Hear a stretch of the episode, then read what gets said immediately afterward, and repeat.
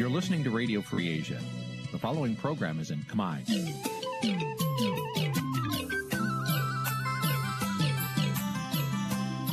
នេះជាកម្មវិធីផ្សាយវិទ្យុអាស៊ីសេរីនេះជាកម្មវិធីផ្សាយរបស់ Vithu Azisaray ជាភាសាខ្មែរវិទ្យុអាស៊ីសេរីសូមស្វាគមន៍លោកអ្នកនាងទាំងអស់ពីរដ្ឋធានី Washington នៃសហរដ្ឋអាមេរិក។ ចាប់ផ្សាយផ្ទាល់ពីរដ្ឋធានី Washington នាងខ្ញុំខែសុណងសូមជម្រាបសួរលោកនាងកញ្ញាប្រិយមិត្តអ្នកស្ដាប់និងអ្នកទស្សនាការផ្សាយរបស់វិទ្យុអាស៊ីសេរីទាំងអស់ជាទីមេត្រី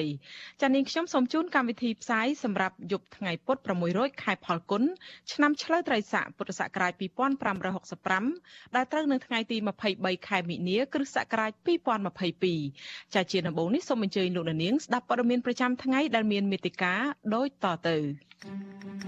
thank you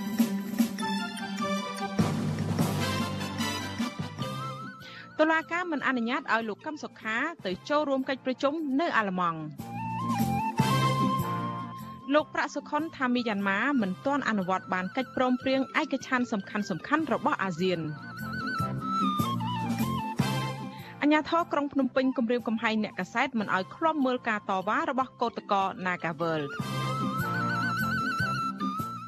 តុលាការក៏ហៅសកម្មជនព្រៃប្រាសរកា5នាក់រឿងខាត់គ្រឿងចាក់ក្រុមហ៊ុនចិនរួមនឹងព័ត៌មានផ្សេងផ្សេងមួយចំនួនទៀត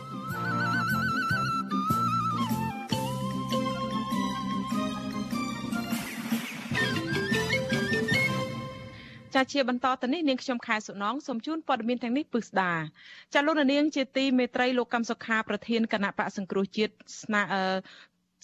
ស្នើធ្វើសកម្មភាពដែលតុលាការហាមឃាត់មេបកប្រឆាំងដែលកំពុងជាប់បំរាមតុលាការរូបនេះបានសុំចេញក្រៅប្រទេសទៅចូលរួមកិច្ចប្រជុំមួយស្ដីពីសន្និសិទដំណោះស្រាយសកល ជាមួយក្រុមប្រទេសនៅទីក្រុងបែកឡាំងប្រទេសអាល្លឺម៉ង់ប៉ុន្តែតុលាការបានច្រានចោលនៅសំណើនេះមេធាវីការពារក្តីឲ្យលោកកឹមសុខាសោកស្ដាយចំពោះការសម្រេចរបស់តុលាការបែបនេះចាប់ពីរដ្ឋធានី Washington អ្នកស្រីសុជីវីរាយការណ៍ព័ត៌មាននេះ សវនកម្មជំនុំជម្រះក្តីលោកកឹមសុខា នៅថ្ងៃទី23ខែមីនានេះផ្អែកលើអង្គហេតុសំខាន់ពីរ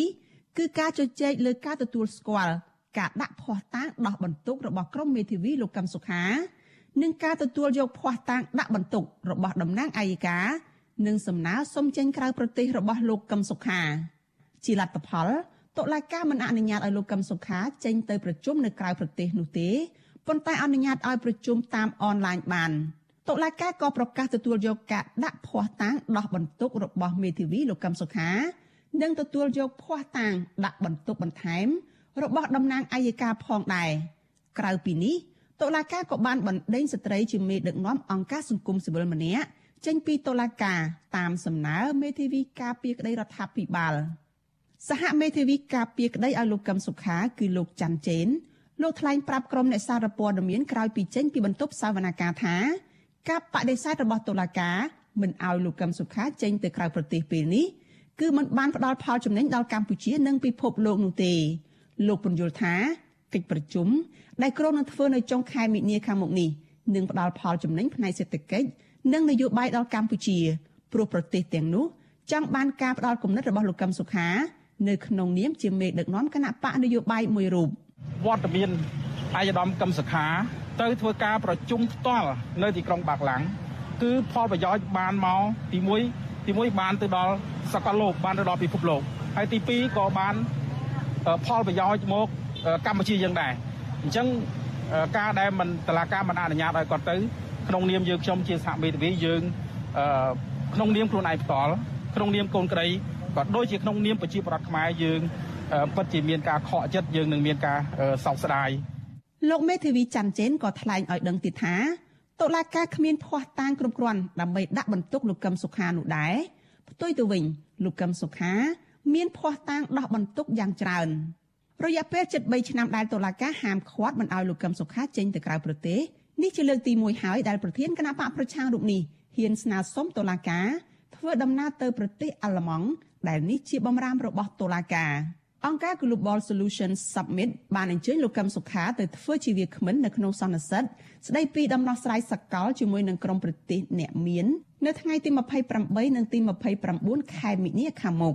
មេធាវីលោកកឹមសុខាអះអាងថាលោកកឹមសុខាគ្រងថ្លែងតាក់ទងនឹងផលប្រយោជន៍កម្ពុជា និងផលប្រយោជន៍ពិភពលោក លោកកឹមសុខាត្រូវសមត្ថកិច្ចសម្រុកចូលចាប់ខ្លួនទាំងកណ្ដាលអត្រាតកាលពីថ្ងៃទី2ឈានចូលថ្ងៃទី3ខែកញ្ញាឆ្នាំ2017ក្នុងពេលដែលលោកកំពុងមានអភ័យឯកសិទ្ធិសភាប៉ុន្តែកាលពីថ្ងៃទី10ខែវិច្ឆិកាឆ្នាំ2019តុលាការក្រុងភ្នំពេញ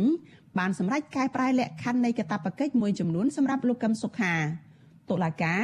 បានអនុញ្ញាតឲ្យលោកកឹមសុខាអាចធ្វើដំណើរបាននៅក្នុងប្រទេសប៉ុន្តែមិនឲ្យហួសព្រំដែននៃប្រទេសកម្ពុជាឡើយ ហើយក៏មិនឲ្យលោកធ្វើសកម្មភាពនយោបាយនោះដែរក្រៅពីនេះតុលាការបានតម្រូវឲ្យលោកឆ្លើយតបនឹងការកោះហៅពីគ្រប់សមត្ថកិច្ចតាក់ទងនឹងសវនកម្មរឿងក្តីរបស់លោកកឹមសុខានេះតុលាការនឹងបន្តសវនកម្មនេះទៅថ្ងៃទី30ខែមិនិនាសប្តាហ៍ក្រោយទៀតអ្នកនាំពាក្យគណៈបកប្រជាជនកម្ពុជាលោកសុកអេសាននិយាយថាសហគមន៍អន្តរជាតិគ្មានអធិបុលណាមួយលោកដៃចូលនៅក្នុងសំណុំរឿងរបស់លោកកឹមសុខានោះទេ លោកសុកអេសាននៅតែថ្លែងការពីចំណាត់ការរបស់តុលាការថា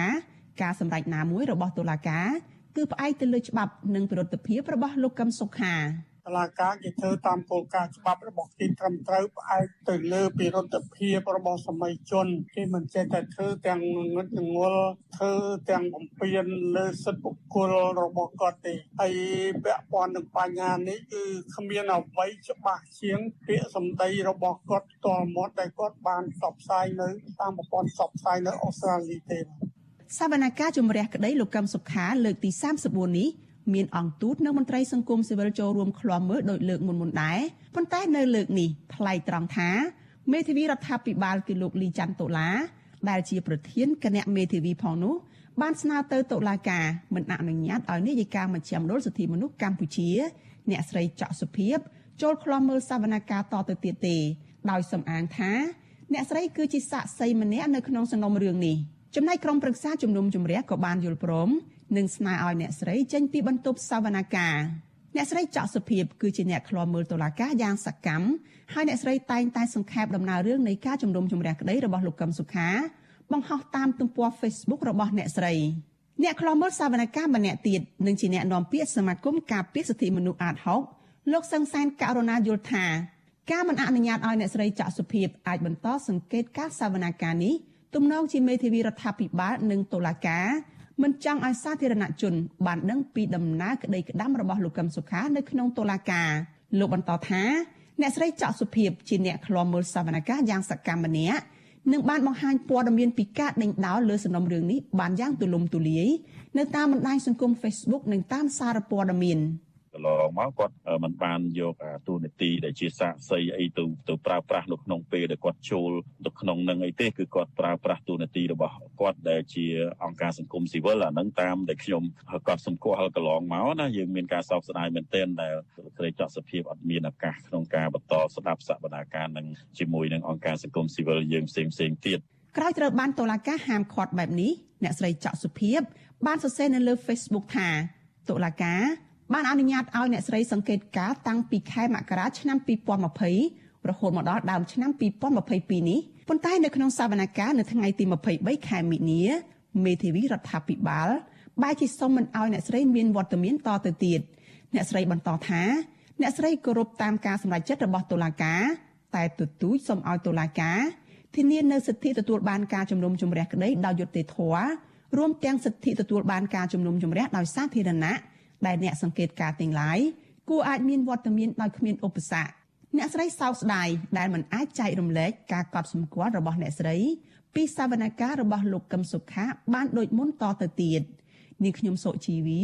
With Shu Azizi Serai ពីរដ្ឋធានី Washington ចាលោកនាងកញ្ញាជាទីមេត្រីចាតកតងទៅនឹងសំណុំរឿងសកម្មជនគណៈ បកប្រឆាំងដែរសកម្មជនគណៈបកសង្គ្រោះជាតិដែលកំពុងជាប់ឃុំលោកកុងម៉ាស់មិនរំពឹងថាតុលាការនឹងផ្ដល់យុត្តិធម៌ឬដោះលែងរូបលោកឲ្យមានសេរីភាពឡើងវិញក្នុងពេលឆាប់ឆាប់នេះឡើយលកឹកណាតុលាការនៅតែជាតុលាការដែលបំរើនយោបាយឲ្យគណៈបកកាន់អំណាច លោកកុងម៉ាស់បានផ្ដាំផ្ញើ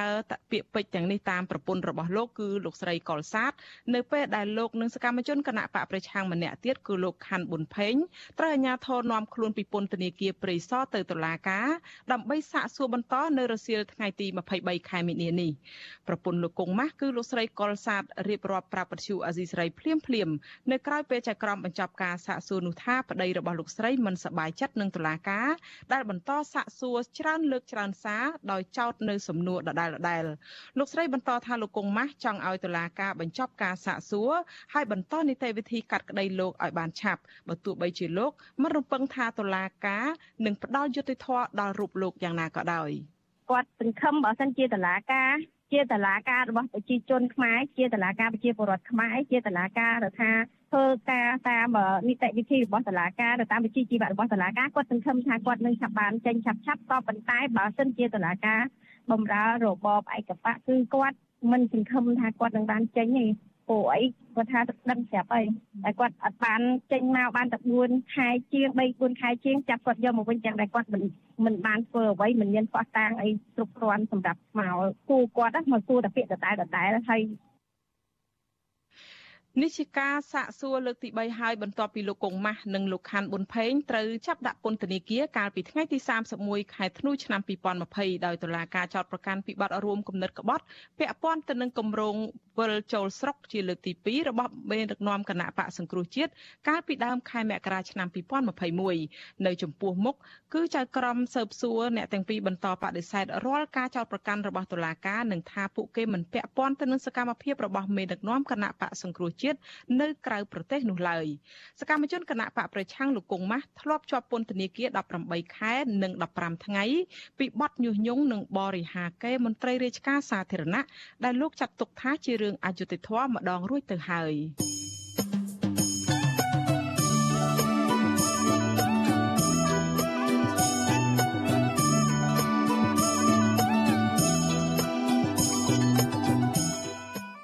ចាលោកនាងកញ្ញាជាទីមេត្រីចាក្រៅពីលោកនាងទស្សនាការផ្សាយផ្ទាល់វិទ្យុអាស៊ីសេរី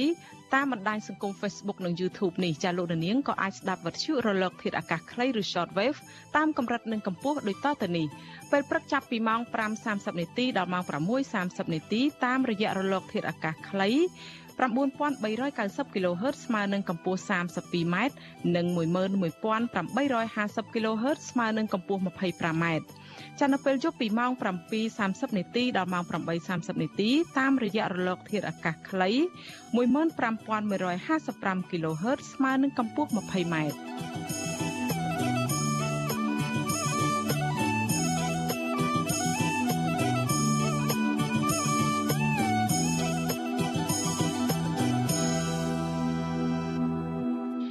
ចាលោកនាងកញ្ញាជាទីមេត្រីចាងាកមកសំណុំរឿងរបស់ជនជាដើមភៀតតិចគួយម្នាក់នៅខេត្តស្ទឹងត្រែងឯនេះវិញជនជាដើមភៀតតិចគួយម្នាក់នៅខេត្តស្ទឹងត្រែងដែលជាសកម្មជនចេញមុខការពារប្រៃឈើនិងជាអ្នករិះគន់អាជ្ញាធរមិនអត់មិនអនុញ្ញាតមិនអនុវត្តច្បាប់ប្រៃឈើនោះបានសម្រេចចិត្តឈរឈ្មោះជាបេក្ខជនបោះឆ្នោតក្រុមប្រឹក្សាឃុំសង្កាត់អាណត្តិទី5ឲ្យគណៈបកភ្លើងទៀនជនជាដើមភៀតតិចគួយរស់នៅឃុំស្រះឫស្សីស្រុកថ្លាបរិវត្ត លោកឋានវ៉នប្រាប់វិទ្យុអេស៊ីស្រីនៅថ្ងៃទី23ខែមិនិនានេះថាការសម្រេចចិត្តរបស់លោកបែបនេះផ្អែកតាមសំណូមពររបស់ប្រជាពលរដ្ឋហើយក៏ជាការស្ម័គ្រចិត្តរបស់លោកដែរពុំមាននរណាម្នាក់បង្ខិតបង្ខំឡើយលោកថាកាលពីដើមឡើយពលរដ្ឋរស់នៅឃុំស្រះឫស្សីភៀកច្រើនជាជនជាជនជាដើមភៀកតិចគួយប៉ុន្តែបច្ចុប្បន្នសម្បូរដោយប្រជាពលរដ្ឋចំណូលស្រុកមករស់នៅហេតុនេះលោកសម្រេចចិត្តឈរឈ្មោះ បេក្ខជនឃុំសង្កាត់ដើម្បីការពារសិទ្ធិជាមូលដ្ឋានរបស់ជនជាដើមភាគតិចនិងការពារព្រៃឈើដែលនៅសេសសល់បន្តិចបន្តួច នៅក្នុងតំបន់ដែលលោកកំពុងរស់នៅ គឺគេកំពុងព្រួយចិត្តថាថ្នាក់ដឹកនាំក្រក្រនេះគេខ្លាចថាមិនយកចិត្តប្រជាពលរដ្ឋតែលោកបាត់ក្នុងស្លែងដីព្រីឬក៏បាត់ទៅផ្សេងផ្សេងគេកំពុងព្រួយចិត្តច្រើនណាស់ហើយក៏ខ្ញុំឈួរនេះដូចគ្នាគឺមិនមានដោយខ្ញុំឈួរដោយឯងឯងទេដោយសារតែប្រជាពលរដ្ឋមួយចំនួនគេឲ្យខ្ញុំឈួរបើថាពូមិនឈួរឈ្មោះទេបងណាលាយរត់ទាំងអស់គេនិយាយ អនុប្រធានគណៈបកភ្លើងទៀនខេត្តស្ទឹងត្រែងលោកតុកស៊ីសារីបើតុកស៊ីសបុតអះអាងថាគណៈបករបស់លោកបានដាក់បេក្ខជនឃុំសង្កាត់ទាំងអស់នៅក្នុងស្រុកចំនួន5និងក្រុងមួយនៅក្នុងខេត្តស្ទឹងត្រែងគណៈកម្មាធិការជាតិរៀបចំការបោះឆ្នោតបានលុបឈ្មោះបេក្ខជនក្រុមប្រឹក្សាឃុំសង្កាត់របស់គណៈបកភ្លើងទៀនចំនួន20រូបចេញពីបញ្ជីបេក្ខជនដំបងរបស់បកនេះក្រោមហេតុផលថាបេក្ខជនគណៈបកនេះឲ្យគេបំពេញប្រវត្តិរូបជំនួសដោយសារតែខ្លួនមិនចេះអាន និងសរសេរអក្សរខ្មែរនិងបេក្ខជនមិនបានចោះឈ្មោះក្នុងបញ្ជីបោះឆ្នោតឃុំសង្កាត់ដែលខ្លួនមានបំណងឈរឈ្មោះបោះឆ្នោតចាទន្ទឹមនឹងនេះក៏មានបេក្ខជនពីររូបប្តឹងកោជបឲ្យលុបឈ្មោះរបស់ខ្លួនចេញពីបញ្ជីបេក្ខជនឈរឈ្មោះបោះឆ្នោតរបស់គណៈបកភ្លើងទៀនផងដែរសេចក្តីសម្រេចស្ថាពររបស់កោជបជាការបិទផ្លូវតវ៉ាគណៈបកភ្លើងទៀនចាត់ទុកទង្វើរបស់កោជបជារឿងអយុត្តិធម៌និងអំពាវនាវឲ្យស្ថាប័នជាតិមួយនេះពិចារណាឡើងវិញដោយរក្សាជំហរអព្យាក្រឹតមិនលំអៀងដើម្បីធានាឲ្យការបោះឆ្នោតក្រុមប្រឹក្សាឃុំសង្កាត់នាពេលខាងមុខប្រព្រឹត្តទៅដោយសេរីត្រឹមត្រូវនិងយុត្តិធម៌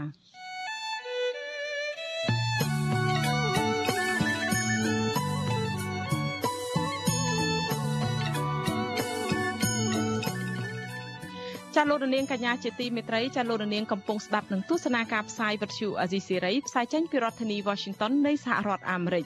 អ្នកធ្វើការនៅក្នុងវិស័យហិរញ្ញវត្ថុនិងអ្នកតាមដានការអភិវឌ្ឍសាទរធនាគារជាតិនៃកម្ពុជា ដែលជំរុញឲ្យសាធារណជននិងវិស័យពាក់ព័ន្ធបង្កើនការប្រើប្រាស់រូបិយប័ណ្ណជាតិគឺប្រាក់រៀលនិងកាត់បន្ថយការប្រើប្រាស់ប្រាក់ដុល្លារ តើអ្នកជំនាញផ្ដល់អនុសាសន៍បែបណាដើម្បីឲ្យការប្រើប្រាស់ប្រាក់រៀលបានកើនឡើងឆាប់រហ័សនោះចាលោកនាងនឹងបានស្ដាប់សេចក្តីរាយការណ៍នេះពុស្ដានៅក្នុងការផ្សាយរបស់យើងនៅពេលបន្តិចទៀតនេះ។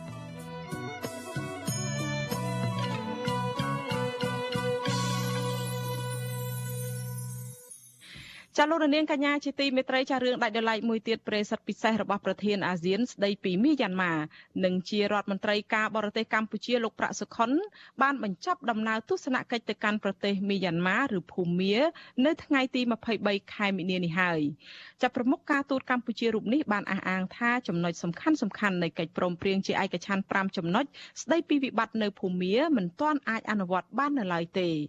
អ្នកតាមដានស្ថានភាពជំរុញឲ្យថ្នាក់ដឹកនាំកម្ពុជាបន្តប្រកាន់យកគោលជំហរអាស៊ានតាក់ទងទៅនឹងវិបត្តិនៅភូមានេះចាសសូមស្ដាប់សេចក្តីរាយការណ៍របស់លោកមានរិទ្ធអំពីរឿងនេះដំណោះស្រាយវិបត្តិនៅមីយ៉ាន់ម៉ាឬភូមា ស្ថិតនៅលើផ្លូវដ៏វែងឆ្ងាយតទៅមុខទៀតដោយសារតែភាគីពាក់ព័ន្ធហាក់មិនទាន់បានត្រៀមខ្លួនវិលមករកតុចរចាវិញនៅឡើយទេនេះបើយោងតាមការអះអាងរបស់ប្រមុខការទូតកម្ពុជា លោកប្រាក់សុខុនដែលទើបតែបញ្ចប់ទស្សនកិច្ចការងាររយៈពេល3ថ្ងៃនៅក្នុងប្រទេសនេះ ក្នុងឋានៈជាប្រេសិតពិសេសរបស់ប្រធានអាស៊ានស្ដីពីមីយ៉ាន់ម៉ាលោកប្រាក់សុខុនថ្លែងក្នុងសន្និសីទសារព័ត៌មាននៅព្រឹកថ្ងៃទី23ខែមីនាថាចំណុចសំខាន់មួយចំនួនរួមមានដូចជាការបញ្ឈប់អំពើហិង្សា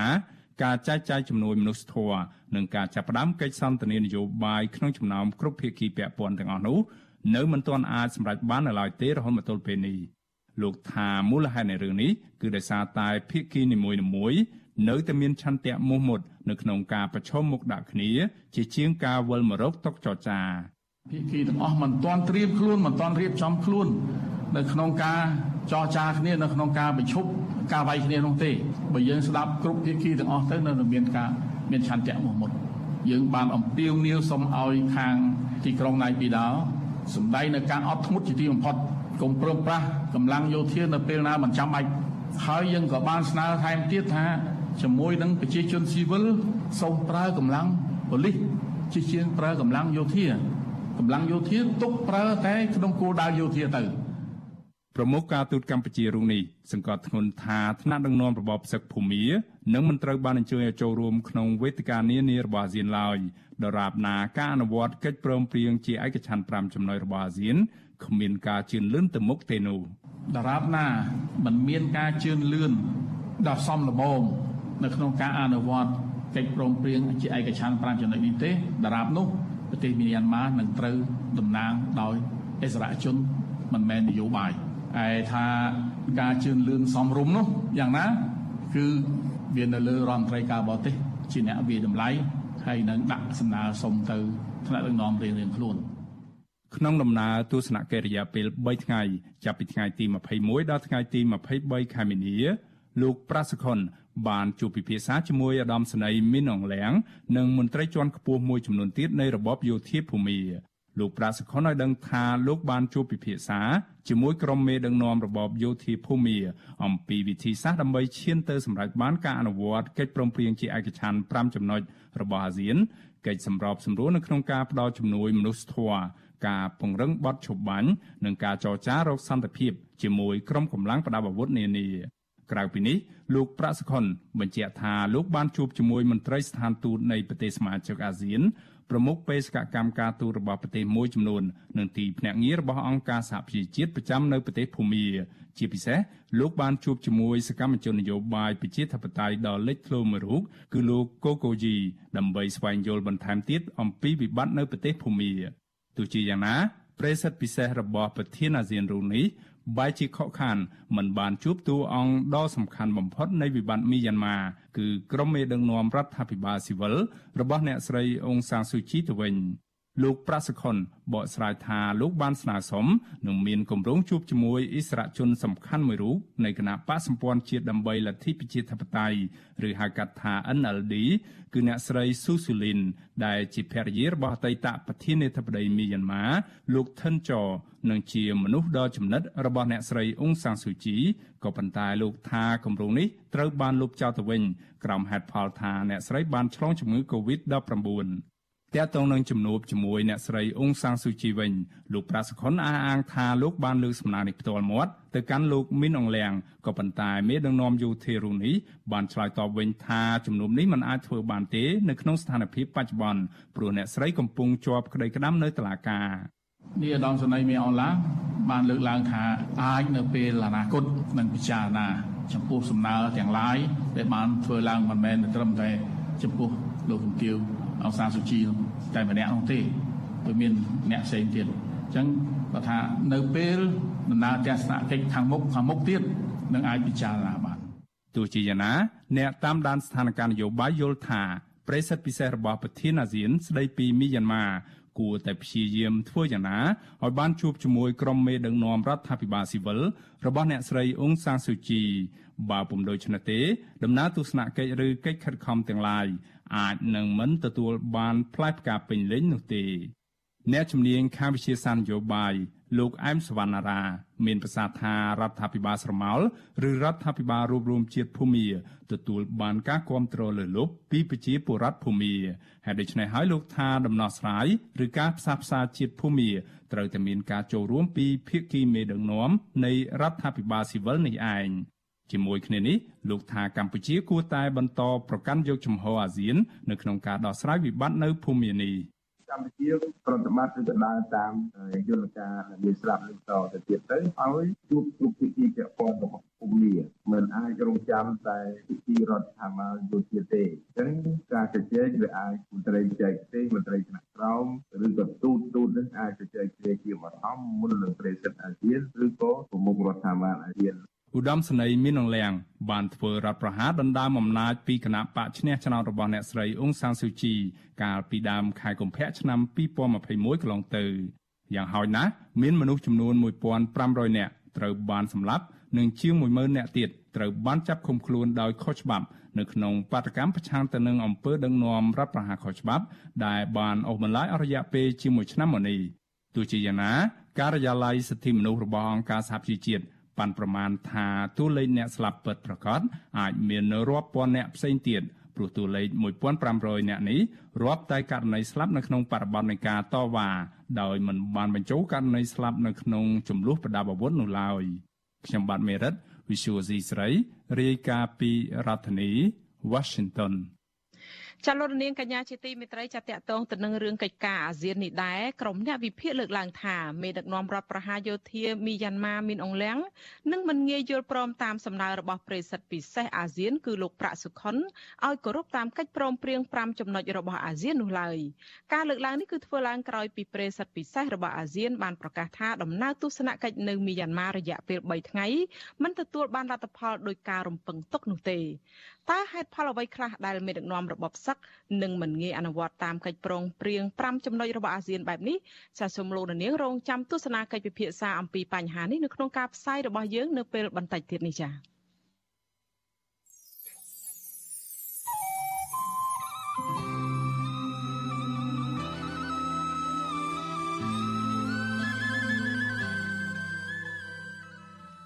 ចាលោកនាងកញ្ញាជាទីមេត្រីចាក្រៅពីលោកនាងទស្សនាការផ្សាយរបស់យើងតាមបណ្ដាញសង្គម Facebook និង YouTube នេះចាលោកនាងក៏អាចតាមដានព័ត៌មាននៅក្នុងការផ្សាយរបស់យើងនឹងតាមប្រព័ន្ធបណ្ដាញសង្គម Instagram របស់វិទ្យុអេស៊ីស្រីបានតាមដំណភ្ជាប់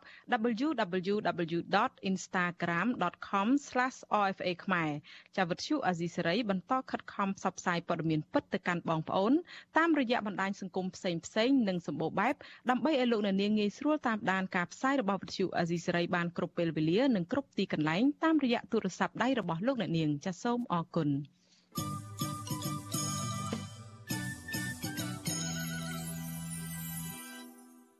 ចាលោកនាងកញ្ញាជាទីមេត្រីចាងាកមកសេចក្តីរាយការណ៍តាក់ទងទៅនឹងវិវាទការងាររបស់ក្រុមកម្មករកាស៊ីណូ Nagavel ឯនេះវិញកម្លាំងអាជ្ញាធរក្រុងភ្នំពេញរាប់រយនាក់បានឡោមព័ទ្ធប្រើអំពើហិង្សាមកលើក្រុមកោតក្របុគ្គលិកក្រុមហ៊ុន Nagavel កាន់តែខ្លាំងខណៈពួកគេបន្តចេញសម្ដែងមតិដោយសន្តិវិធី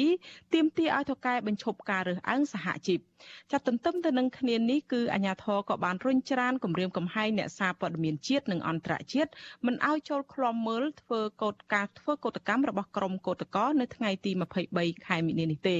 ចាប់ពីរដ្ឋធានី Washington អ្នកស្រីម៉ៅសុធានីមានសេចក្តីរាយការណ៍អំពីរឿងនេះ កម្លាំងអាជ្ញាធរក្រុងភ្នំពេញរាប់រយនាក់បានដាក់កម្លាំងពង្រាយស្ទាក់បង្ក្រាបទាំងប្រើអំពើហិង្សាកាន់តែខ្លាំងមកលើក្រុមគឧតកោ Nagawal ជាង100នាក់ដែលភ័យច្រានជាស្ត្រី និងបន្តធ្វើកុតកម្មដោយសន្តិវិធីអាញាធរបានត្រែកសម្លុតរុញច្រានអូសសែងដោយចាប់បង្ខំញាត់ក្រុមគុតកោបញ្ចូលក្នុងរថយន្តទាំងកំរោរួចដឹកពួកគាត់ទៅទម្លាក់នៅតាមតំបន់ជ័យក្រុងដូចសពដក គឧតកោនឹងជាបុគ្គលិកក្រុមហ៊ុនកាស៊ីណូ Naga World លោកស្រីច័ន្ទបរាប្រាប់បច្ចុប្បន្នស៊ីស្រីទាំងទឹកភ្នែកនៅថ្ងៃទី23ខែមីនាថាអាញាធរបានប្រាអង្សាកាន់តែខ្លាំងដោយរញច្រានលោកស្រីនគឧតកោដតីទៀតបោកខ្ទប់ទៅនឹងរថយន្តនិងស្រែកសម្លុតមិនឲ្យកុតកោទៀមទាដំណោះស្រាយនោះឡើយលោកស្រីរីគុណថារដ្ឋាភិបាលនឹងរងភាពអាម៉ាស់ដែលបណ្ដោយឲ្យក្រុមហ៊ុនបនលបៃ Nagaver ធ្វើបាបប្រជាពលរដ្ឋ ដែលគ្រាន់តែប្រាសិទ្ធស្របច្បាប់ក្នុងការទៀមទាឲ្យត្រូវកែគ្រប់សិទ្ធនៅកន្លែងធ្វើការលោកស្រីសោកស្ដាយចំពោះទង្វើរបស់អាជ្ញាធរដែលបន្តព្យាយាមបិទបាំងកាងអំណាចឲ្យភាគីក្រុមហ៊ុនដែលបានរំលោភបំពានសិទ្ធិកម្មករលោកស្រីក៏ខកចិត្តចំពោះអាញាធរដែលមិនបានអនុវត្តគ្រប់តាមទូនីតិក៏ប៉ុន្តែបែរជាបង្ក្រាបដោយកម្លាំងបាយមកលើក្រុមស្ត្រីភេទទុនខ្សោយ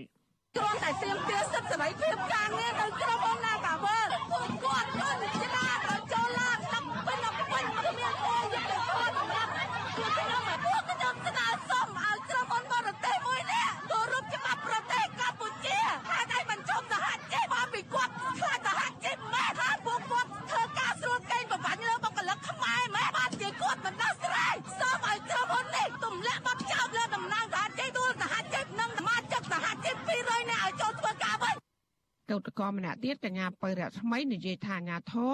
បានបៀតបៀនរូបរាងកាយដោយស្ទុះវាយរំច្រានកញ្ញាឲ្យឡើងរថយន្តទាំងកំរោល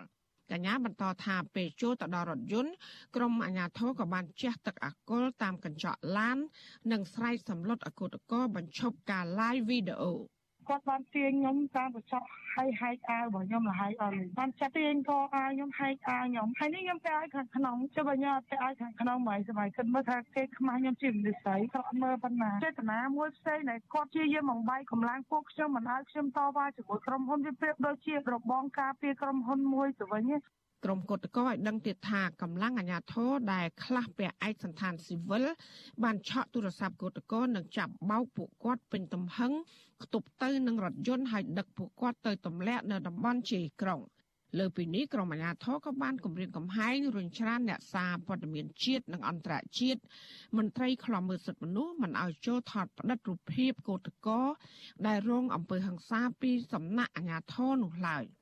វត្ថុអសីស្រីមិនអាចតតងแนะនាំពាក្យស្នងការដ្ឋាននគរបាលរាជធានីភ្នំពេញលោកសានសុកសីហានិងអភិបាលក្រុងភ្នំពេញលោកខួងស្រេងដើម្បីបំភ្លឺបញ្ហានេះបានទេនៅថ្ងៃទី23ខែមីនា ក៏ប៉ុន្តែលោកសានសុកសីហានិងតំណាងរដ្ឋាភិបាលធ្លាប់បានលើកឡើងដោយដូចគ្នាដោយចោទប្រកាន់ក្រុមគុតកោថាជាអ្នកបង្កើតរូបភាពរុញច្រានមកលើក្រុមសមត្ថកិច្ចទៅវិញ ដើម្បីផុសទៅលើបណ្ដាញសង្គមបំបាក់កិត្តិយសក្រុមសមត្ថកិច្ច នៅថ្ងៃទី23ខែមីនាតំណាងសហជីពទាំង5និងភាគីក្រុមហ៊ុនក៏បានជួបចរចាជាលើកទី2ក៏ប៉ុន្តែក្នុងជំនួបនោះនៅតែមានភាពចម្រូងចម្រាសមិនទាន់មានលទ្ធផលជាវិជ្ជមាននៅឡើយក្រោយពីចប់ជំនួបចរចាតំណាងសហជីពទាំង5នាក់បានប្រាប់អ្នកសារព័ត៌មានថាពួកគាត់ខកចិត្តយ៉ាងខ្លាំងដែលភាគីក្រុមហ៊ុននៅតែបន្តបដិសេធទទួលយកសហជីពនិងគឧតកោជាង200នាក់ឲ្យចូលធ្វើការវិញ។ ក្រុមសហជីពថាបើភាគីក្រុមហ៊ុននៅតែបន្តបដិសេធការដោះស្រាយចំណុចដំបូងវិវាទការងារនេះនឹងមិនអាចបញ្ចប់បានឡើយក្រុមគឧតកោនិងសហជីពថាដើម្បីបញ្ចប់វិវាទការងារនេះក្រុមហ៊ុនត្រូវគោរពតាមលក្ខខណ្ឌក្នុងការដោះស្រាយចំណុចស្នូលនៃវិវាទនេះដោយយល់ព្រមទទួលយកបុគ្គលិកជាង200នាក់ឲ្យចូលធ្វើការវិញ និងបញ្ឈប់ការរើសអើងសហជីពនៅកន្លែងការងារ តំណាងសហជីពបន្ថែមថាភាគីក្រុមហ៊ុនក៏បានប្រកាន់ចំហដដែលថានឹងមិនមានការចរចាលើសំណើទទួលយកបុគ្គលិកឲ្យចូលធ្វើការងារវិញឡើយដោយសារតែចំណុចពាក់ព័ន្ធជាមួយនឹងក្រុមបុគ្គលិកនេះមានចំនួនតិចតួចប៉ុណ្ណោះ ក្រុមសហជីពថាការបដិសេធរបស់ក្រុមហ៊ុន មិនទទួលបុគ្គលិកឲ្យចូលធ្វើការនេះដោយសារតែក្រុមហ៊ុនអះអាងថាបច្ចុប្បន្នមានបុគ្គលិកលើតម្រូវការជាង600នាក់ហើយដែលកំពុងបម្រើការក្នុងក្រុមហ៊ុនបនលបែងមួយនេះជុំវិញរឿងនេះអ្នកគ្រប់គ្រងកម្មវិធីសិទ្ធិការងារនៃមជ្ឈមណ្ឌលសម្ព័ន្ធភាពការងារនិងសិទ្ធិមនុស្សហៅកាត់ថាសង្ត្រាលោកហ៊ុនថារ៉ូមានប្រសាសន៍ថាភាគីក្រុមហ៊ុនមិនមានភាពស្មោះត្រង់ និងគោរពតាមគោលការណ៍នៃការទៀមទារបស់ក្រុមគឧតកោនោះឡើយលោកបន្តថាការបដិសេធទទួលសហជីពឲ្យចូលធ្វើការងារវិញនេះឆ្លុះបញ្ចាំងឲ្យឃើញថាក្រុមហ៊ុន កំពុងព្យាយាមបំបត្តិសម្លេងសហជីពឯករាជ្យក្នុងកន្លែងការងារ។ ក្នុងស្ថានភាពការជាប់គាំងនេះគឺវាមិនមែនជាបញ្ហារបស់ខាងតំណាងភាគីកម្មករនយោជិតទេព្រោះតាពួកគាត់មានភាពស្មោះត្រង់ហើយពួកគាត់មានការសម្បទានច្រើនហើយនឹងការបន្ទន់អេរិយាប័តមានការរើសអើងនៅសកម្មជនសហជីពហើយមានចេតនាមិនចង់ឲ្យមានវត្តមាននៅកន្លែងការងារហ្នឹងហើយករណីវិវាទនៅក្រុមហ៊ុន Nagawal នេះគឺវាចុះបញ្ចាំងអំពីការមិនអនុវត្តច្បាប់ ធ្វើឲ្យនយោជកដែលមានអធិបុលមានអំណាចបន្តនៅក្នុងរំលោភបំពាននៅសិទ្ធិជាមូលដ្ឋានរបស់កម្មករនយោជិតទោះជាយ៉ាងណាក្រមសហជីពថាក្រសួងការងារទុកពេលឲ្យភាគីទាំងពីរពិចារណានិងជួបជជែករកដំណោះស្រាយជាថ្មីម្ដងទៀតនៅថ្ងៃទី29ខែមីនា ចំណែកក្រុមគុតកោនៅតែប្រកាន់ជំហរថានឹងចេញធ្វើគុតកម្មរហូតដល់មានដំណោះស្រាយសមរម្យបើទោះបីរងការប្រាអំពើហិង្សាពីសំណាក់អាជ្ញាធរនោះក្តីពួកគាត់ថានឹងក្រុងចេញដាក់ញត្តិជាថ្មីទៀតនៅតាមបណ្ដាស្ថានទូតដើម្បីឲ្យជួយអន្តរាគមន៍ដោះស្រាយបញ្ចប់វិវាទការងារនេះដោយឈលលើភាពអព្យាក្រឹតនិងយុត្តិធម៌ចាននាងខ្ញុំម៉ៃសុធានីវិទ្យុអេស៊ីស្រីប្រធានាធិបតី Washington ចាលោករនាងកញ្ញាជាទីមិត្តរីចាតកតងទៅនឹងរឿងនេះដែរយើងមានសម្ភារបន្ថែមមួយជាមួយប្រធានសហជីពត្រួតត្រងសិទ្ធិការងារបុគ្គលិកកម្មករខ្មែរនៃក្រុមហ៊ុន Casino Nagavel គឺកញ្ញាឈឹមស៊ីធនៅក្នុងការផ្សាយរបស់យើងនៅពេលនេះចាជំរាបសួរស៊ីធជាថ្មីទៀតចាចាជំរាបសួរបងចាសិទ្ធបានឮ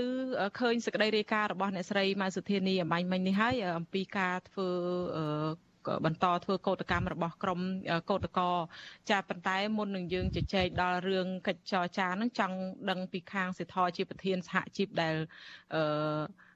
ខ្លំមើលនឹងទៀមទាដំណោះស្រាយចូលចរចាអីពីរឿងនេះសិនថាតើយល់ឃើញយ៉ាងម៉េចដែរនៅពេលដែលក្រមកោតកោចេញ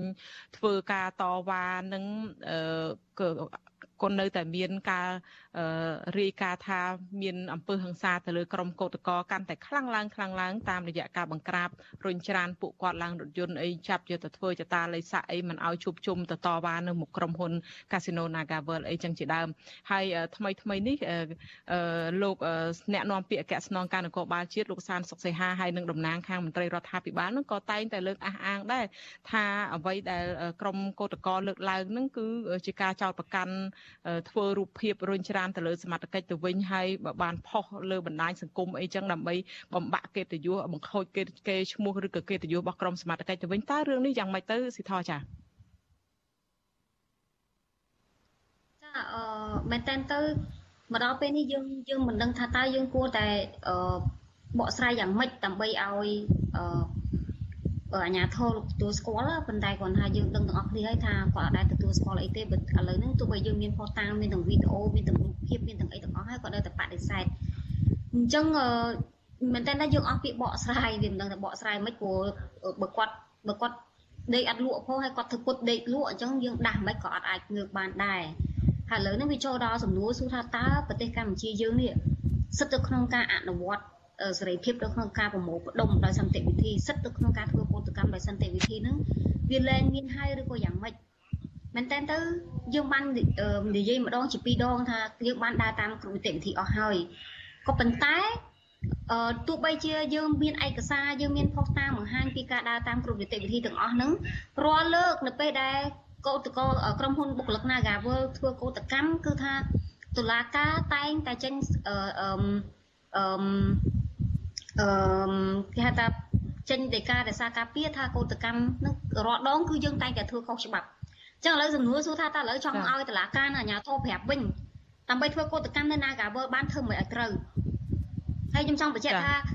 កម្មករយោជិកទាំងអស់គាត់ធ្វើកោតកម្មគាត់អត់បានធ្វើបាតកម្មទៀមទាឬក៏ប្រឆាំងស្អីជាមួយនឹងរដ្ឋាភិបាលទេ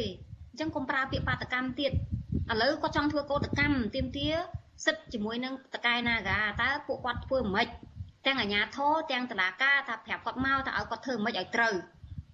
ហើយមែនតើទៅគាត់ចង់ទៅឈរក្បែរណាកាទេប៉ុន្តែគាត់អត់ដែរបានទៅឈរក្បែរណាកាទេគឺថាយកឡានយកអីយកមកដឹកពួកគាត់ឲ្យប្រើអំពើហិង្សាយើងគឺតឹងតឹងតឹងមុនដំបូងប្រើអំពើហិង្សាធ្ងន់ធ្ងរដល់ដល់កោតកោយើងជាបរោះប៉ុន្តែឥឡូវឈានពីបរោះហ្នឹងដោយសារពួកគាត់រក្សាការធ្វើកោតកម្មដោយអហិង្សានឹងបានល្អឥឡូវហ្នឹងគឺថាឈានទៅដល់ប្រើអំពើហិង្សាទៅលើស្ត្រីម្ដងអញ្ចឹង អឺជួយប្រាប់កោតកោផងថាតើឥឡូវគាត់ធ្វើកោតកម្មយ៉ាងម៉េចបានត្រូវចាសិទ្ធិបានជាយកអាញាធរយកឡានយកអីហ្នឹងមកចាប់ពួកគាត់ដាក់រាល់ថ្ងៃហើយប្រើអំពើហិង្សាដាក់ពួកគាត់ពីមួយថ្ងៃទៅមួយថ្ងៃកាន់តែធ្ងន់ទៅធ្ងន់ទៅធ្ងន់ធ្ងរទៅតើស្រុកខ្មែរយើងឥឡូវហ្នឹងវាលែងមានសិទ្ធិក្នុងការធ្វើកោតកម្មហ្នឹងហើយឬក៏យ៉ាងម៉េចបើសិនជាប្រកាសថាលែងមានអាហ្នឹងឲ្យប្រជាពលរដ្ឋឲ្យឲ្យកោតក្រហ្នឹងគាត់ដឹងថាលែងមានចា អរគុណច្រើនសិទ្ធិចាំមុននឹងយើងបន្តសំណួរបន្តិចទៀតចង់ស្នើសុំសិទ្ធិអាចបិទដង្ហាលតិចបានទេមានសម្លេងខ្យល់បុកចូលចេញមកមកមាននាំឲ្យមានសម្លេងរំខានដល់សិទ្ធិចាសុំទោសខ្ញុំរំខានតិចហើយយើងជជែកចរចាគ្នាបន្តទៀតជជែកគ្នាបន្តទៀតតកតងទៅនឹងរឿងការចរចាវិញម្ដងចាអរគុណអឺសិទ្ធិងាកមករឿងការចរចានឹងយើងឃើញថាដូចជាពុំទាន់មានពន្លឺជាវិជ្ជមានអីនៅឡើយទេពីខាងសហជីពនឹងគឺខាងតំណាងកោតកោនឹងលើកឡើងថាតលតែមានចំណុចដោះស្រាយជាចម្បងមួយសិនកាគឺរឿងការសុំឲ្យដាក់បញ្ចូលបុគ្គលិកយកបុគ្គលិកជាង200នាក់នឹងបានចូលធ្វើការវិញប៉ុន្តែយ៉ាងណាក៏ដោយខាងភៀកគីក្រុមហ៊ុននឹងគេអះអាងថាគេមិនមានលទ្ធភាពយកដោយសារតែឥឡូវនឹងកំពុងតែលើសតម្រូវការ600នាក់ជាងអីទៅហើយតើលទ្ធផលការចរចាថ្ងៃនេះបានជាផ្លែផ្កាអីយ៉ាងម៉េចទៅដែរហើយការមិនចុះសម្រុងគ្នានឹងលើបញ្ហាអ្វីខ្លះចា៎ ចាអឺមែនតើទៅមកដល់កិច្ចប្រជុំលើកទី3នេះញ៉ាំខ្ញុំសូមបកស្រាយថាយើងមើលអត់ឃើញថាវាជាការចរចាទេចាវាមិនមែនជាកិច្ចប្រជុំជាការចរចាទេក៏ប៉ុន្តែជាកិច្ចប្រជុំរៀបចំឡើងដោយក្រសួងដើម្បីឲ្យក្រុមកម្មការនយោជិកនឹងទទួលយក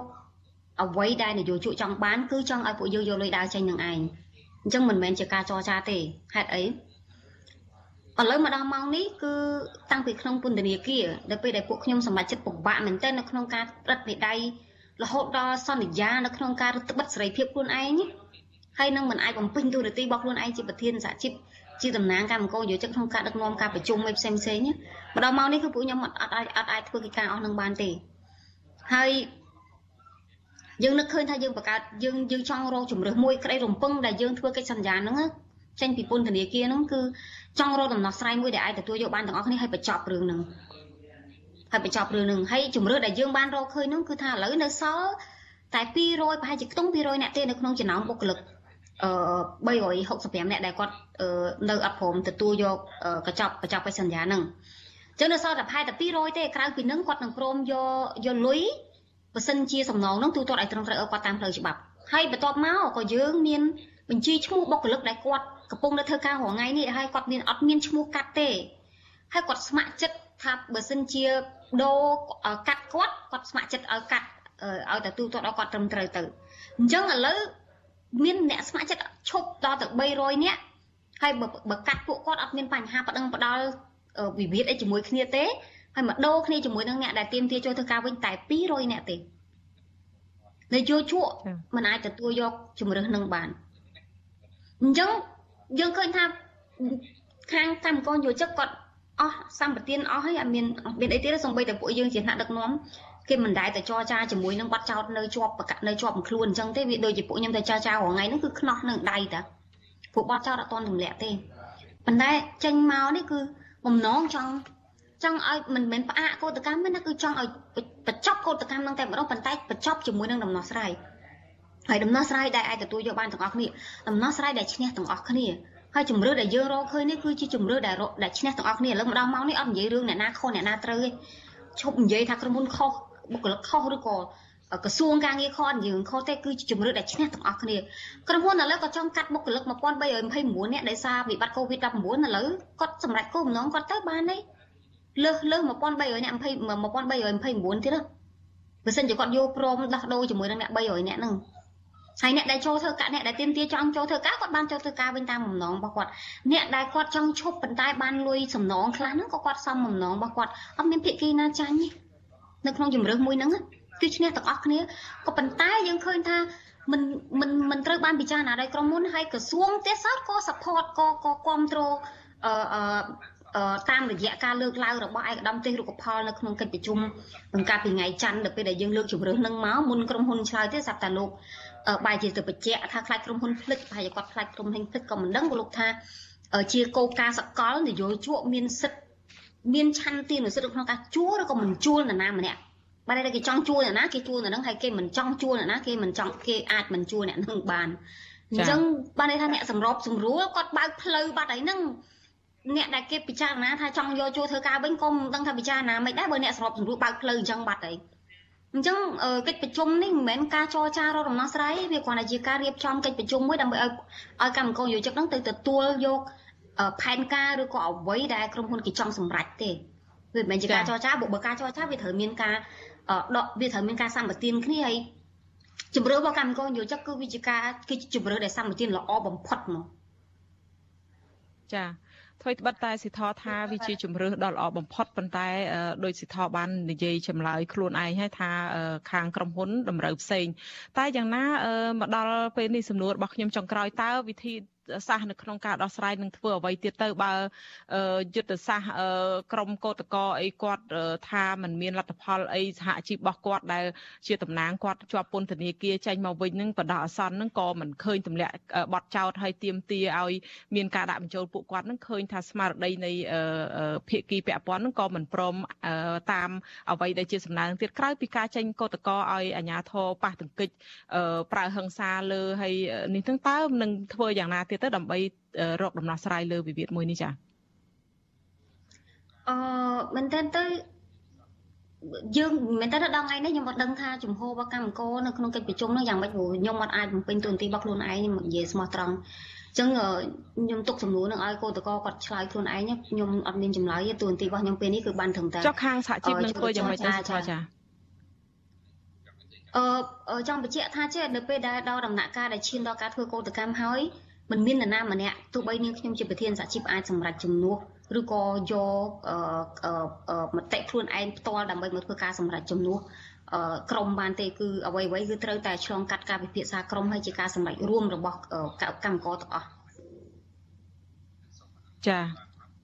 ចាតែយ៉ាងណានេះខ្ញុំសូមអរគុណច្រើនកញ្ញាឈឹមស៊ីធដែលបានចំណាយពេលផ្ដល់សម្ភារបន្ថែមលើសេចក្តីរាយការណ៍ពីការចរចាហើយនឹងរឿងកោតក្ររបស់ក្រមកម្មករដែលធ្វើចេញធ្វើកោតកម្មនៅថ្ងៃនេះបន្តទៀតចាសូមអរគុណនិងជំរាបលាស៊ីធត្រឹមប៉ុណ្ណេះសិនចាចាអរគុណបងជំរាបលាចា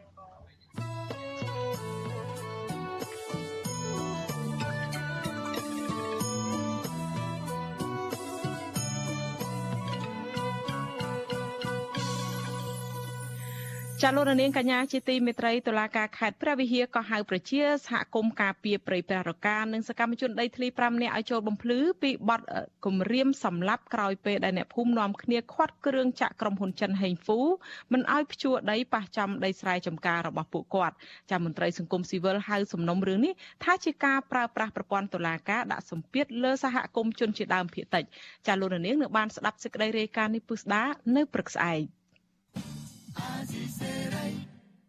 ចាលោករនាងកញ្ញាជាទីមេត្រីចាងាកមករឿងការរីករាលដាលនៃជំងឺ Covid-19 វិញក្រសួងសុខាភិបាលថារកឃើញអ្នកឆ្លងជំងឺ Covid-19 ចំនួន64ករណីថ្មីទៀតសុទ្ធតែជាវីរុសបំផ្លែងខ្លួនថ្មីអូមីក្រុង ដែលជាករណីឆ្លងនៅក្នុងសហគមន៍ទាំងអស់ចានាំឲ្យមានអ្នកឆ្លងជំងឺ Covid-19 ប្រភេទថ្មីនេះបានកើនឡើងដល់ជាង13000អ្នកហើយគិតត្រឹមព្រឹកថ្ងៃពុធទី23ខែមីនានេះចាគិតត្រឹមថ្ងៃទី23មីនានេះកម្ពុជាមានអ្នកកើតជំងឺ Covid-19 ជាង135,000នាក់ក្នុងនោះអ្នកជាសះស្បើយមានជាង130,000នាក់និងអ្នកស្លាប់កើនឡើងដល់ចំនួន3052នាក់ចាចំពោះការចាក់វ៉ាក់សាំងបង្ការជំងឺ Covid-19 វិញក្រសួងសុខាភិបាលប្រកាសថាគិតត្រឹមថ្ងៃទី22ខែមីនាម្សិលមិញនេះគឺរដ្ឋាភិបាលចាក់ជូនប្រជាពលរដ្ឋដែលមានអាយុចាប់ពី3ឆ្នាំឡើងបានជិត14លាន8សែននាក់សម្រាប់ដូសទី1រីឯដូសទី2ចាក់បានជាង13លាន9សែននាក់ហើយដូសទី3និងដូសទី4រដ្ឋាភិបាលចាក់ជូនប្រជាពលរដ្ឋបានជាង9លាន1សែននាក់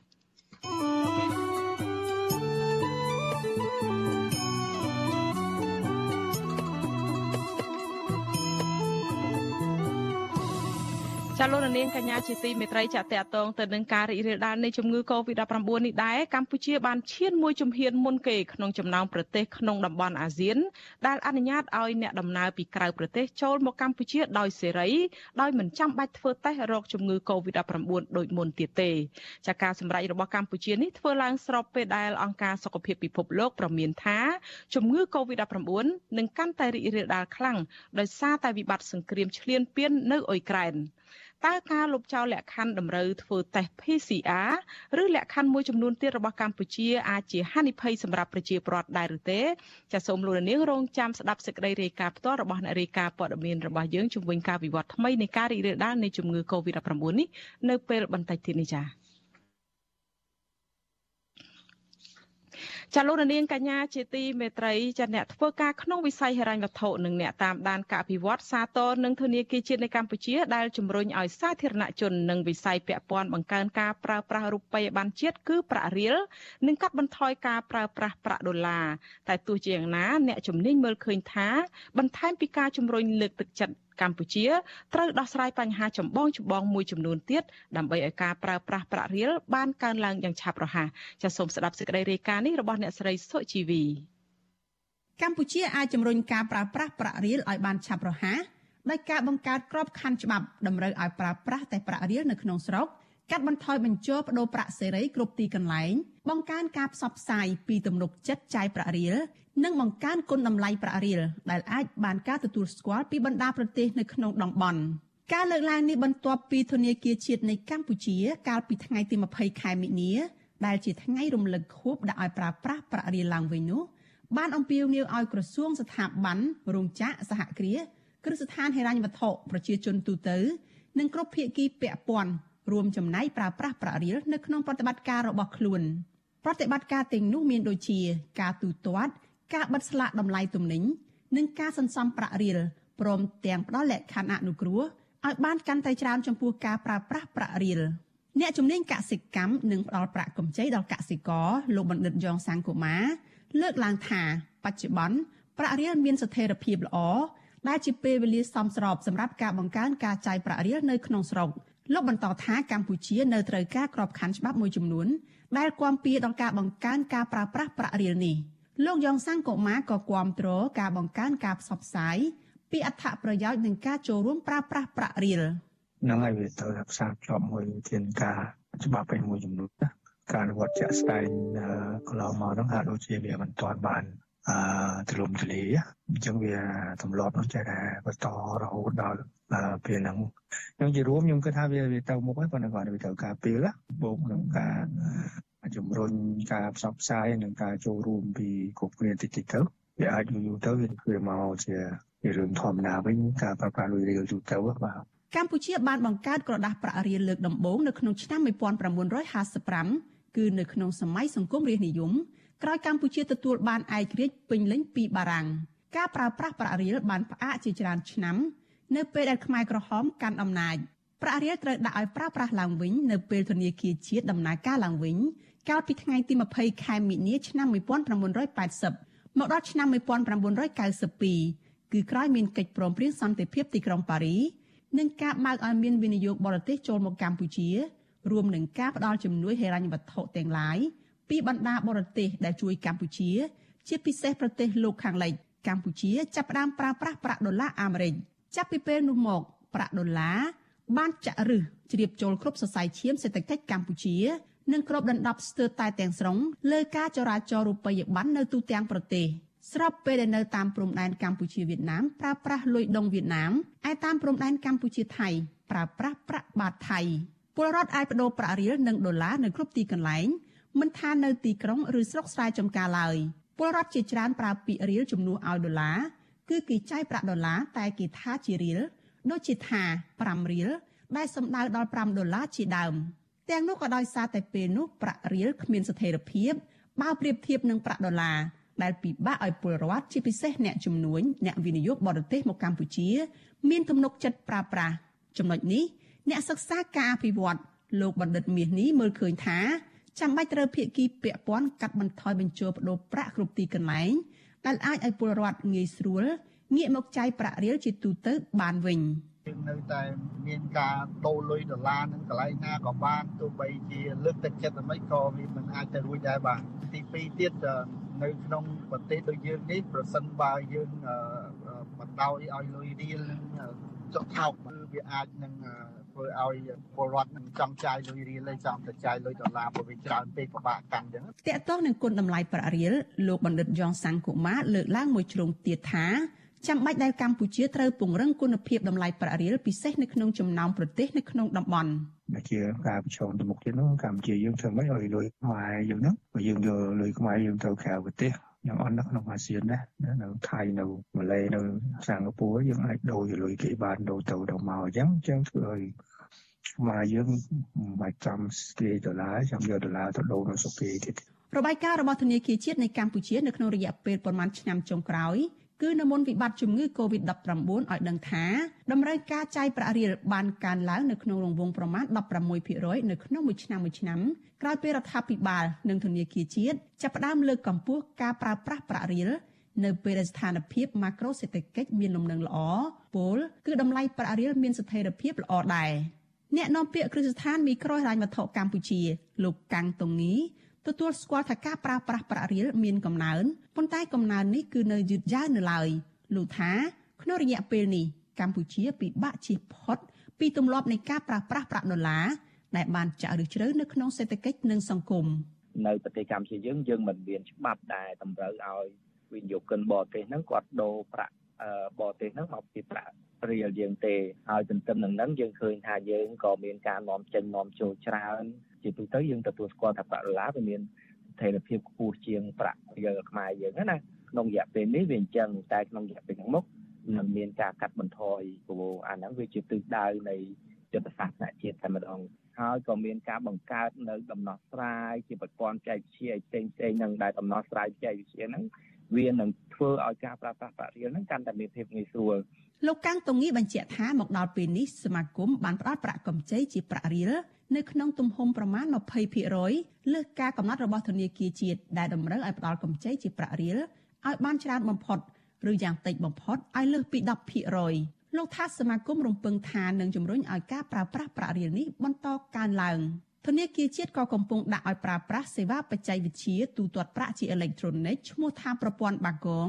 ដែលជួយដល់ការទូទាត់ផ្ទេរប្រាក់ដាក់ប្រាក់និងដកប្រាក់ឲ្យកាន់តែមានភាពងាយស្រួលឆាប់រហ័សកាត់បន្ថយចំណាយថ្លៃប្រតិបត្តិការនិងមានសុវត្ថិភាពខ្ពស់មន្ត្រីធនាគារជាតិអះអាងថាប្រតិបត្តិការតាមប្រព័ន្ធនេះក៏ផ្ដល់ភាពងាយស្រួលដល់ការទូទាត់ជាប្រាក់រៀលដែរដោយកាត់បន្ថយការកាន់ប្រាក់រៀលដែលមានចំនួនច្រើន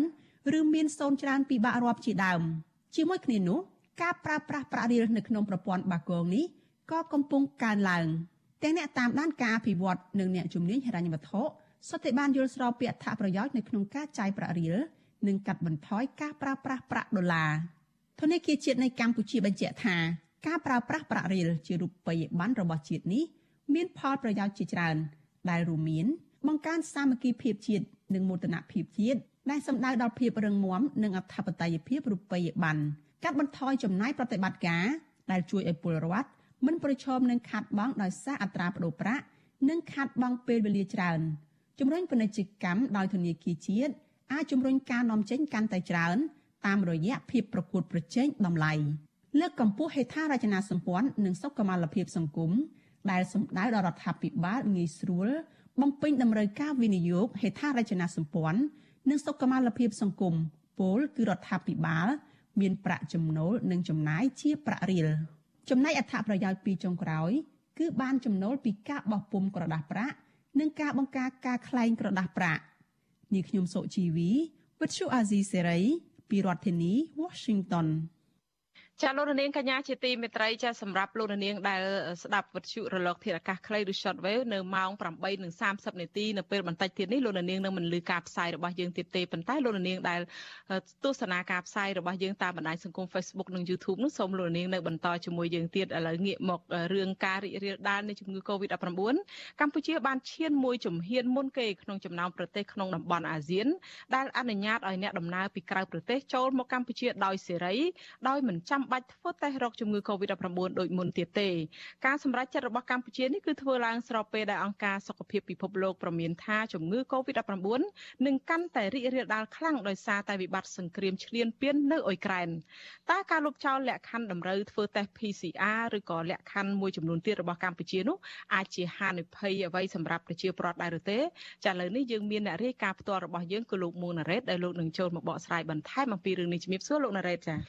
បាទសូមជម្រាបសួរអ្នកស្រីខែសំណងហើយសូមជម្រាបសួរលោកនាងទាំងអស់ដែលកំពុងតាមដានស្ដាប់នឹងទស្សនាការផ្សាយរបស់វិទ្យុអស៊ីសេរីបាទ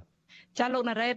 មុននឹងយើងនិយាយដល់រឿងអ៊ុយក្រែននោះចង់និយាយអំពីថាតើការបន្ធូរបន្ថយលក្ខខណ្ឌមួយចំនួនដែល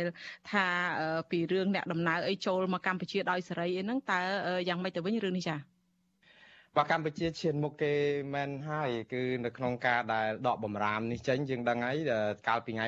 17ខែមីនាគឺក្រសួងសុខាភិបាលរដ្ឋាភិបាលកម្ពុជានឹងសម្រេចរួមគ្នាគឺដកបំរាមលែងឲ្យធ្វើតេស្ត PCR លែងឲ្យធ្វើតេស្តរហ័សនិយាយទៅគឺមិនបាច់ធ្វើតេស្តអីទេចូលមកកម្ពុជាដោយសេរីតែម្ដងអ្នកដែលមកពីខាងក្រៅនោះណាអឺបង្ហាញតែបានចាក់វ៉ាក់សាំងទៅបានហើយហើយមកវីសាទៀតសោតអតិថិការហ្នឹងមកដល់សំទិញឬក៏ដាក់ពាក្យសុំក៏បានដែរមិនបាច់ធ្វើមុននេះដូចថាបធូបថយទំហឹងតែម្ដងបាទចាលោកណារ៉េតពីរឿងថាកម្ពុជាបធូបថយបែបនេះបើកទូលាយអីអញ្ចឹងដោយសេរីបែបនេះតើខាងប្រជាពលរដ្ឋវិញគាត់មានមតិយល់ឃើញយ៉ាងម៉េចទៅចា តាមពិតទៅប្រជាពលរដ្ឋមានចម្ងល់ច្រើនណាស់អត់សូវមានជាចម្លើយទេព្រោះនៅក្នុងទំព័រ Facebook របស់ក្រសួងសុខាភិបាលគ្រាន់តែចាប់ផ្ដើមបើកនឹងភ្លាមប្រជាពលរដ្ឋនឹងសួរស្រោចអ្នកខ្លះសួរថាឃើញ WTO នឹងពុំមានអង្គការសុខភាពពិភពលោកពុំមានអំពីការរៀលដាលរហូតដល់ data ក្រុងទៀតណាតើលុបលក្ខខណ្ឌហ្នឹងទៅយើងងាយប្រឈមហានិភ័យដែរទេអញ្ចឹងទៅអ្នកខ្លះទៀតសួរថាឲ្យពិចារណាឡើងវិញបានទេព្រោះបើអត់ធ្វើតេស្តអញ្ចឹងតើវានឹងឆ្លងដល់អ្នកអត់ដឹងអីនឹងប្រមាណដែរទៅហើយអ្នកខ្លះទៀតហ្នឹងក៏មានសំណូមពរឲ្យពិចារណាឡើងវិញអឺឡើងវិញជាពិសេសគេថាអូមីក្រុងហ្នឹងការចូលមកខ្មែរដំបូងហ្នឹងគាត់ថាចូលមកពីអ្នកខាងក្រៅហ្នឹងតែហើយឥឡូវអត់ធ្វើទេអត់ធ្វើអីបែបនេះតើយ៉ាងម៉េចទៅមានអូមីក្រុងប្រភេទបងអូមីក្រុងផងអា Delta ក្រុងផងមិនដឹងឆ្លោះវុវីប៉ុណ្ណាមានអ្នកខ្លះទៀតរហូតដល់សួរអញ្ចេះទៅវិញថាចប់បើសិនជាឈឺនៅណាទទួលខុសត្រូវព្រោះឥឡូវទៅទិញថ្នាំទិញអីលេបហ្នឹងគឺអស់លុយកប៉ៅខ្លួនឯងធ្វើតេស្តធ្វើអីក៏គេយកលុយទៀតថាអ្នកណាអ្នកទៅទៅដោះស្រាយបញ្ហានេះ ហើយក៏មានអ្នកខ្លះទៀតថានៅពេលដែលធូរតាមព្រំដែនដូចថាអត់យកដល់ធ្វើតេស្តអីអញ្ចឹងនៅតាម clinic ឯកជនឯណានោះហ្នឹងគឺតម្រូវឲ្យធ្វើតេស្តរហ័សអីម្ដង30ដុល្លារអីទៅពិនិត្យព្យាបាលទៅមើលអ្នកជំងឺអីចេញចូលអីអញ្ចឹងក៏ប៉ុន្តែក៏មានអ្នកអបអរសាទរដែរគេថាពេញចិត្ត100%ហើយដែល ឈប់ធ្វើតេស្តនឹងចឹងឈប់យកអីចឹងទៅ គឺកម្ពុជាយើងដើរឈានមកគេរហូតហ្នឹងគ្រប់ត្រ100%អញ្ចឹងហើយអ្នកដែលធ្វើដំណើរទៅស្រុកខ្មែរក៏ត្រេកអរដែរដែលមិនបាច់ធ្វើតេស្តសំបាក់អស់លុយឬក៏ស្មុគស្មាញអីផងបាទ ចាលោកណារ៉េតតើកត្តាអ្វីទៅបានជាកម្ពុជាហ៊ានបថុយបឋាននៃបែបនេះចាហើយមានប្រទេសណាទៀតដែលគេហ៊ានបថុយចឹងដូចយើងដែរទេចាយើងបថុយមុនគេហើយនៅក្នុងតំបន់អាស៊ានរបស់យើងនេះគឺកត្តាដែលអាចបថុយបឋានហ្នឹងមកពីសេដ្ឋកិច្ចយើងដឹងមើលរិសាយើងដឹងហើយតាំងពីកើតកូវីដមកជាង2ឆ្នាំហើយយើងអត់មានភ្ញៀវបរទេសសោះហ្នឹងនៅសៀមរាបនៅអីស្ងាត់ដូចចោលដូចសេះអញ្ចឹងរដ្ឋាភិបាលអាចគិតថាកត្តាសុខភាពលែងសំខាន់ណាសំខាន់គឺស្ដារសេដ្ឋកិច្ចនេះខ្លាចវាស្លាប់អញ្ចឹងទៅបានជាបើកចំហប្រទេសដែលនៅជិតយើងនៅប្រទេសថៃក៏លឹបលដែរថៃទើបតែប្រកាសដែរថាតដើមខែមេសាបានចាប់ផ្ដើមដកបំរាមធ្វើតេស្តកូវីដនឹងខ្លះប៉ុន្តែនៅមានលក្ខខណ្ឌច្រើនណាស់ច្រើនជាងខ្មែរមិនមកចូលសេរីអញ្ចឹងទេគ្រាន់តែថាគេបទូបថយខ្លះដើម្បីភ្ញៀវទេសចរដែរចាលោកណារ៉េតងាកទៅរឿងអ៊ុយក្រែនទៅវិញតើពីរឿងថាពលរដ្ឋអ៊ុយក្រែននឹងឆ្លងជំងឺ Covid អីខ្លាំងប៉ុណ្ណាក្នុងពេលដែលវិបត្តិសង្គ្រាមនៅប្រទេសនោះចា អ៊ុយក្រែននេះគឺជាកង្វល់ធំណាស់នៅស្រីខែសំណងដោយសារគាត់មានវិបត្តិដល់ទៅទ្វេហើយនោះទី1គឺសង្គ្រាមសម្លាប់មនុស្សអត់ស្រាកស្រានទី2គឺកូវីដហ្នឹងមុននឹងកើតសង្គ្រាមហ្នឹងមួយថ្ងៃមានពេលខ្លះដល់ទៅ40000អ្នកជាងហ្នឹងអ៊ុយក្រែនអ្នកដែលកើតកូវីដមាន